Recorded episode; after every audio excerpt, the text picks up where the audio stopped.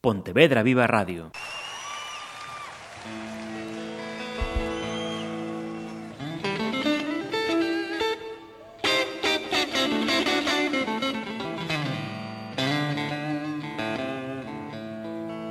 La trastienda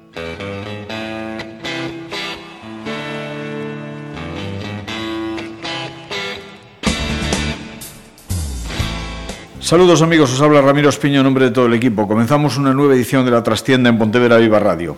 No ha sido un mal fin de semana para los nuestros, aunque con la excepción preocupante de un Pontevedra que sigue cuesta abajo y eleva a siete el número de jornadas sin conocer la victoria.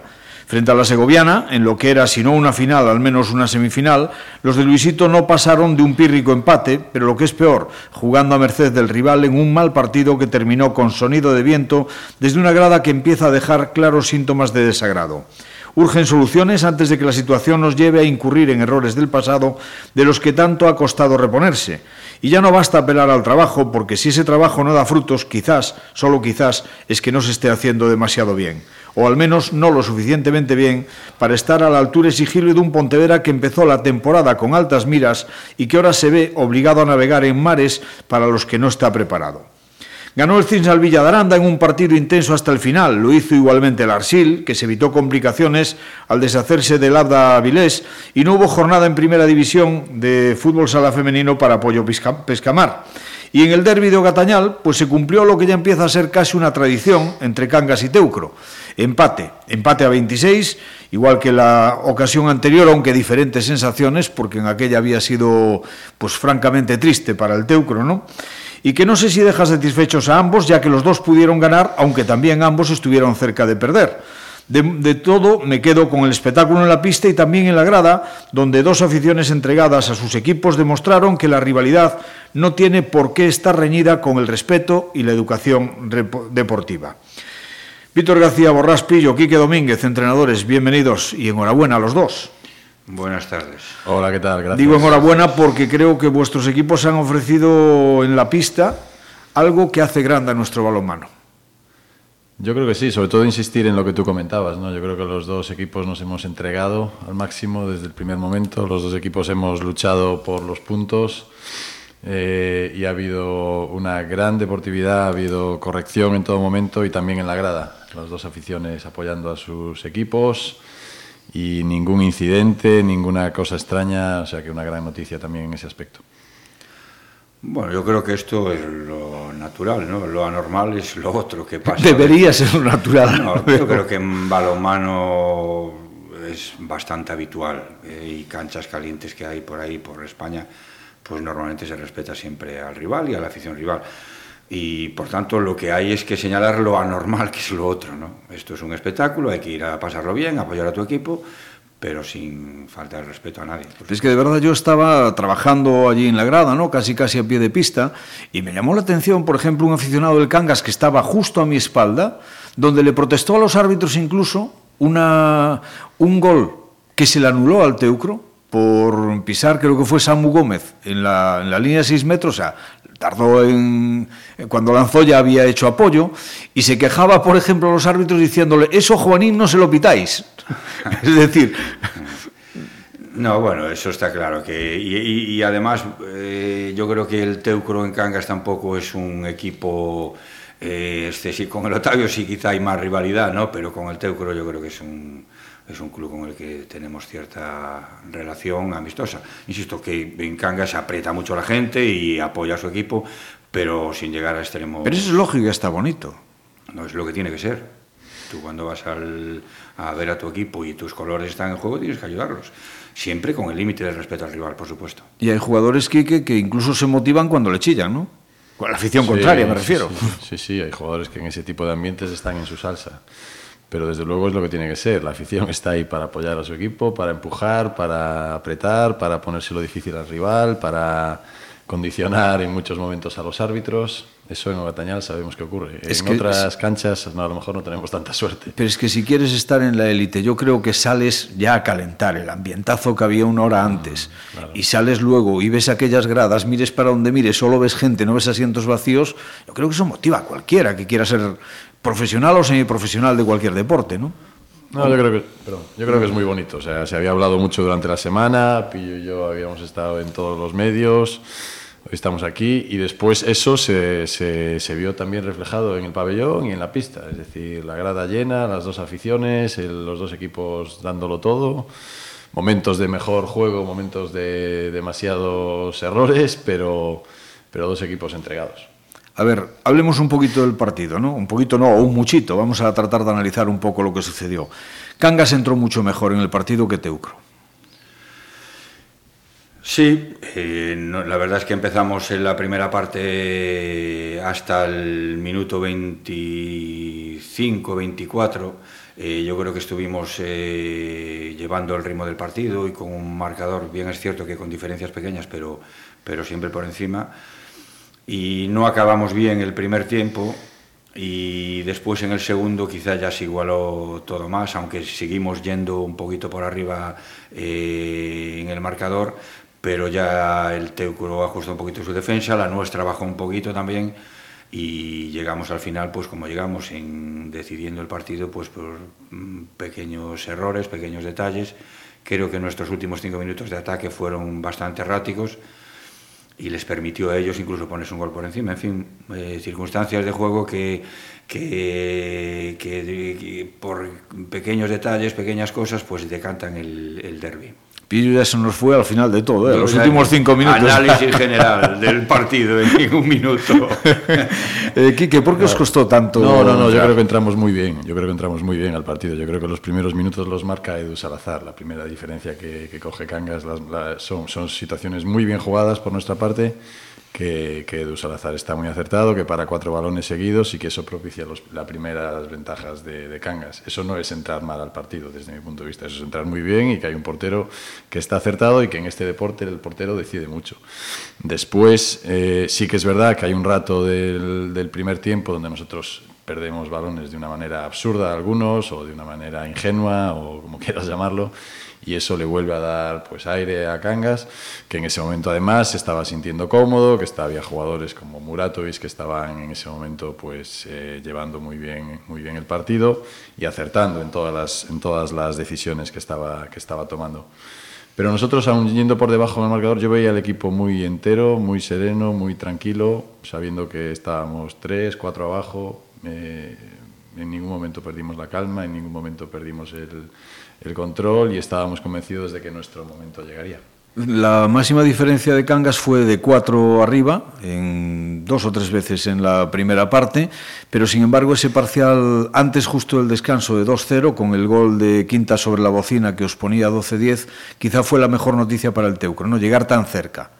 Sí, sí, sí, porque lo que te digo, ¿no? porque justo diez minutos antes sí que habíamos tenido esa, ese, ese encadenar pérdidas de balón, una pérdida de Borja, otra de Juan Quintas, otra de Joan Balázquez, bueno, tres, cuatro, cinco casi seguidas, que, que nos habían hecho dudar y que habían propiciado ese, ese cuatro arriba de, Cangas. Pero en el descanso el partido desde luego estaba abierto, marcador corto y como siempre eh, todo por decidir en la segunda parte, que es donde realmente se deciden los partidos. Y a mí me da la sensación, Pillo, que Teucro en la segunda parte salió como un poquito más suelto, Balázquez consiguió soltar el brazo, encontraba a lo mejor quizá también de forma lógica, ¿no? Por el desgaste, era más fácil que apareciese en posiciones de lanzamiento, no perdonó y muy pronto se puso ahí a uno, estuvo la diferencia estabilizada hasta mediados de segundo tiempo.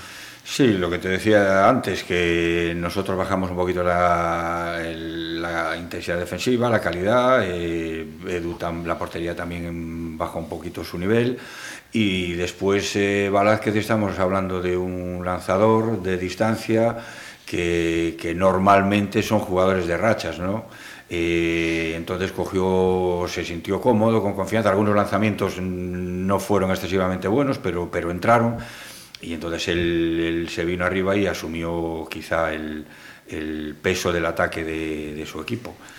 Eh, pero bueno, yo creo que aparte de eso, insisto, Eh, nuestro ataque tampoco estuvo fino en los minutos finales, eh, cometimos tantas pérdidas en seis minutos como nosotros 50 y ahí el Tegro pues tuvo opción de, de, ponerse por encima incluso que ahí pues realmente también peligró incluso el empate, ¿no? Porque pudieron, pudieron haber ganado. Es que fíjate que fue un poquito, la alegría iba por barrios, ¿no? En esos últimos minutos, esos últimos 15 minutos, 14 minutos de partido sobre todo, que fue cuando se produjo el, primer empate, digamos, de, del partido, ¿no? Eh, bueno, aquel un gol de, de, de, Velázquez creo que había sido de, concretamente, pero bueno, eh, digo, en ese momento los dos equipos, fruto quizá de los nervios, de la, de la ambición, también de, de, querer ganar, de querer resolver y demás, cometieron alternativamente errores que les pudieron llevar a uno a ganar y al otro a perder y sucesivamente, ¿no? Sí, pero por, por, lo menos en nuestro caso los errores que cometimos ya no eran los errores de la primera parte. En la primera parte nosotros estábamos perdiendo balones, como decía, algunos de forma ingenua, y después en ese momento, cuando yo veía que podíamos ganar claramente el partido, pensé que lo ganábamos, hay un error de lanzamiento de Borja que da en larguero, hay un 7 metros que falla Dani, que se lo para uh -huh. Edu Salazar, después hay una exclusión eh, total. Sí, que fuerza bueno, Dani Cerqueiras. Son situaciones del juego que se pueden dar que, que, bueno, que el jugador puede acertar o fallar o que el, el rival puede, puede acertar y, y provocar que, que, falles. ¿no? Y ahí es donde nosotros, de, desde mi punto de vista, dejamos escapar el partido y Cangas vuelve a tener opciones y al final realmente estuvo más cerca en ese minuto y pico final de ganar Cangas que, que nosotros. ¿no? Y al final, bueno, pues como siempre... Eh, el empate que te deja pensando en aquella jugada o en aquella acción. Y, y hubo tantas. Y, en ese punto que, que, ganaste y en el otro que perdiste. Y, y hubo tantas, hubo sí, tantas, claro, porque claro. efectivamente, o sea, el Teucro se pone 24-25 a falta de cuatro minutos, un robo de Joan Velázquez que además, a mí francamente te lo digo, Joan Velázquez me da una confianza tremenda en el lanzamiento exterior y hasta que veo entrar el balón cuando va solo a 6 metros, es donde más lanzamientos fallan, corrígeme si me equivoco. Bueno, falla, depende del día. depende del día, falla más cerca o falla más lejos. Pero, Pero sí que es verdad que, que, que, que, a veces no necesita tanto en 6 metros para ver, la quiere empotrar y no siempre hace falta empotrarla. Y precisamente en ese, en ese punto, ¿no? en el que Quique decía que Dani, yo no sé si Dani falla un penalti o Edu para un penalti, Edu Salazar, todo, todo influye ¿no? en esto del balomano. Yo, yo, ahí siempre barro para casa y como portero siempre digo que es éxito del portero, ¿no? que el lanzador, salvo flagrantes, eh, Sí, salvo que lo tire fuera directamente. Exacto, del lanzador. Normalmente los 7 metros son aciertos del portero, ¿no? Y en ese caso yo creo que sí, porque Dani no tiró mal el penalti. Y ahí sí que quedaba menos de un minuto, francamente, visteis el partido ganado. Pero se equivocó Potic, cometió Hombre, falta en ataque y dio no, vida. Eh, se equivocó Potic, se equivocó el entrenador del Cangas, se equivocó Muratovic, porque teníamos que haber jugado mucho más largo ese ataque no hacer de las acciones que tenemos para superioridad, porque en ese momento justo estábamos con superioridad, le faltaban unos segundos para recuperarla y teníamos que quizá haber jugado un poquito más el, el balón.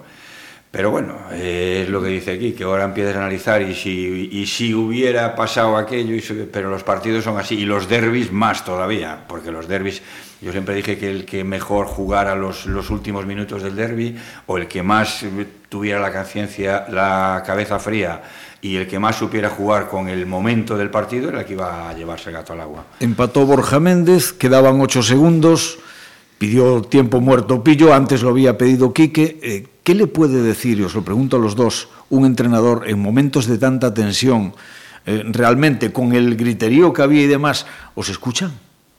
Sí, otra cosa es que hagan lo que, lo que dices, ¿no? Pero escuchar, escuchan. Eh, lo que pasa es que en ocho segundos es, es una mare magnum de ideas en la cabeza que, que, bueno, en fin, era complicado, ¿no? Era complicado sacar algo, algo positivo. Bueno, lo tenemos hecho y esta vez no pudimos y, y, esto es así. Los dos equipos además hicisteis algo muy parecido, ¿no? El Cangas cuando atacaba a Teucro buscando el empate adelantó la defensa, subió la defensa muy arriba, intentando, bueno, pues que, que transcurriese el mayor número de segundos y luego el Teucro hizo lo mismo también con esos ocho segundos. Le salió mejor al Teucro porque conseguisteis llevarlos hacia la esquina y forzar un lanzamiento con el reloj a cero casi casi sin ángulo ninguno. ¿no?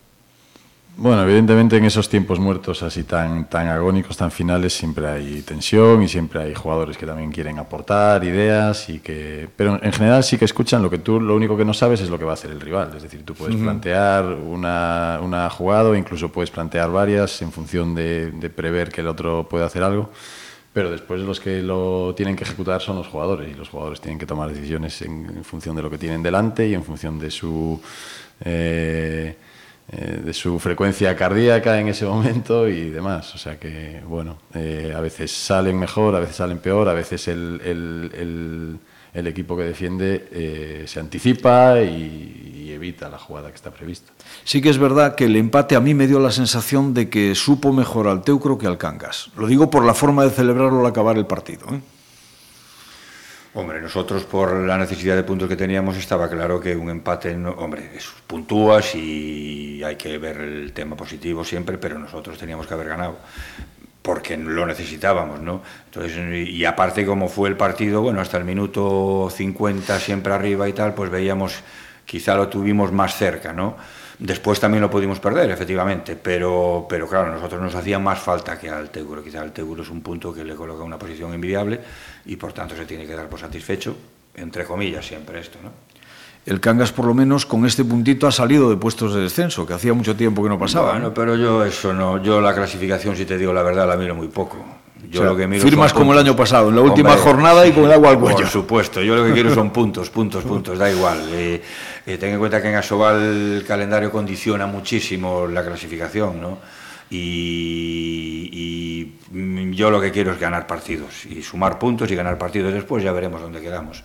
Ya habrá tiempo de ver la clasificación eh, al final de la segunda vuelta y ver cómo va uno y cómo va otro.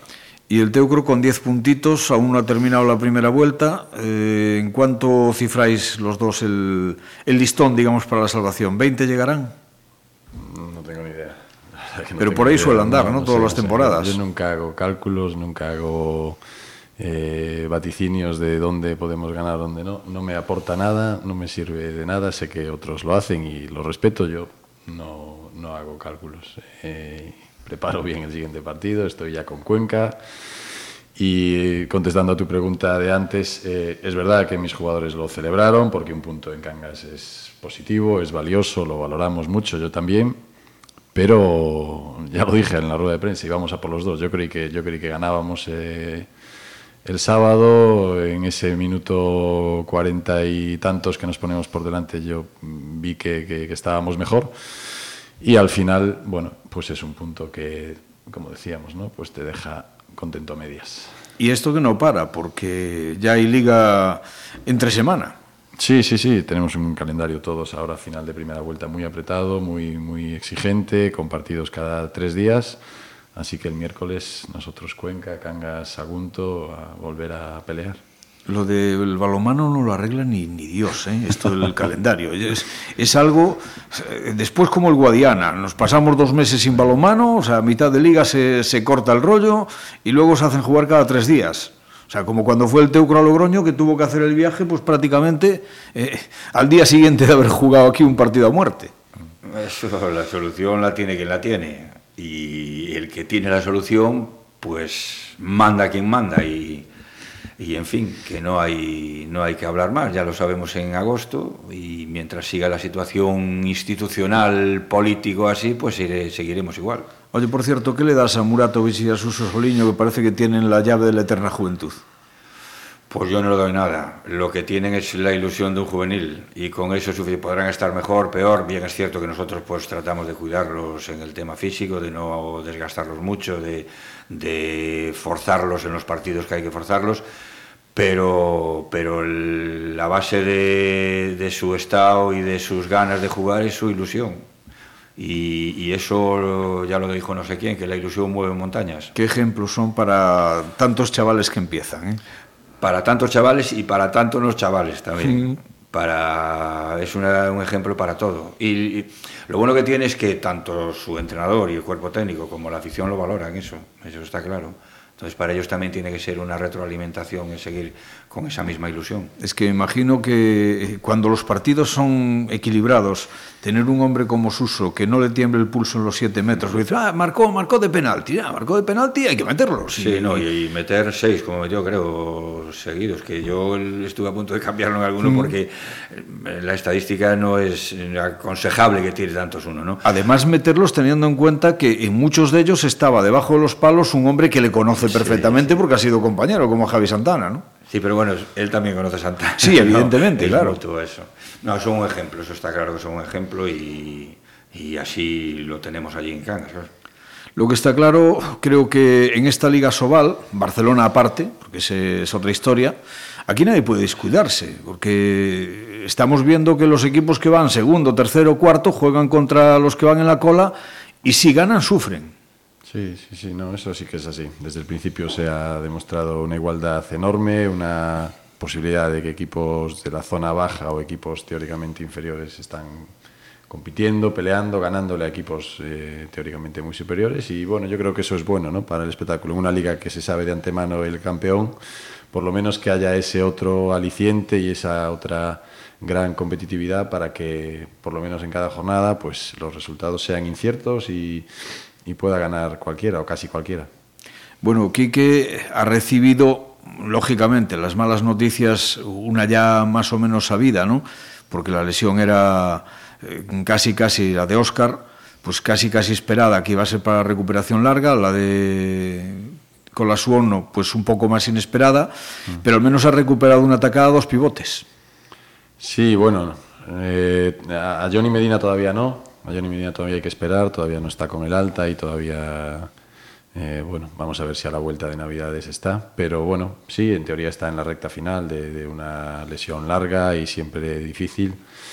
Y el que sí que ha vuelto y ha vuelto además rindiendo ya desde el primer día es Samu, eh, que estoy seguro que nos va a ayudar mucho y estoy seguro que va a ser una, una buena aportación para el equipo, sobre todo. Fíjate que yo le vi, siete, le vi siete días antes aquí con el Palma del Río contra Cisne y le encontré a peor nivel del que le vi el otro día en Cangas, siendo una categoría superior.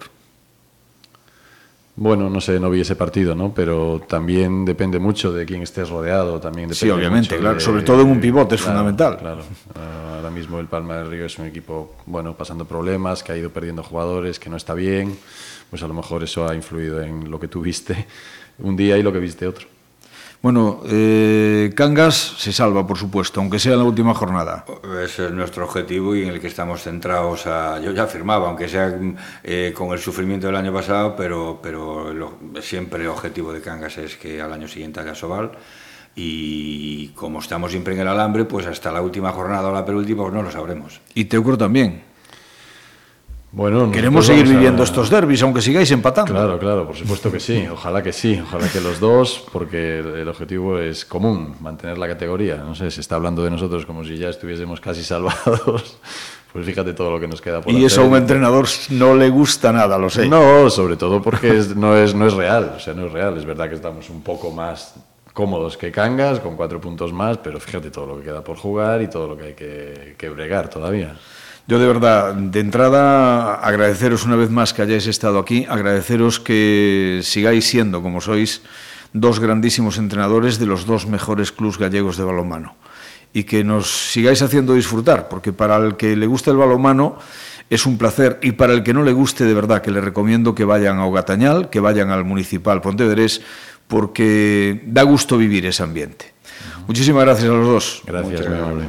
Y a todos los que nos escucháis, pues os dejamos con nuestra habitual despedida musical. Nina Persson es la voz y líder de la banca sueca de Cardigans, una formación nacida en 1992 que ha pasado de sus inicios de música indie al pop rock para terminar dedicándose al rock alternativo. Uno de sus temas más populares es sin duda, además de un famoso videojuego, pues eso, My Favorite Game, mi juego favorito. Pues eso, Nina Persson de Cardigans. Como siempre, que lo disfrutéis, será hasta la próxima semana que intentaremos que haya más si podemos también mejor. Muchas gracias, os esperamos.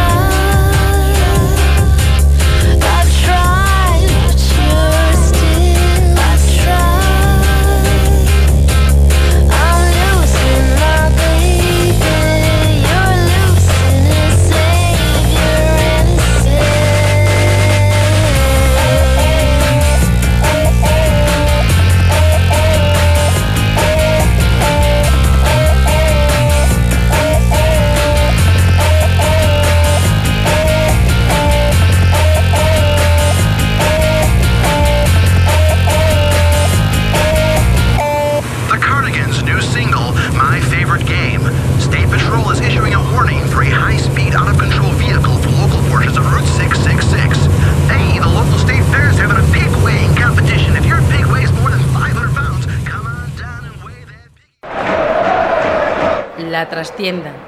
Pontevedra Viva.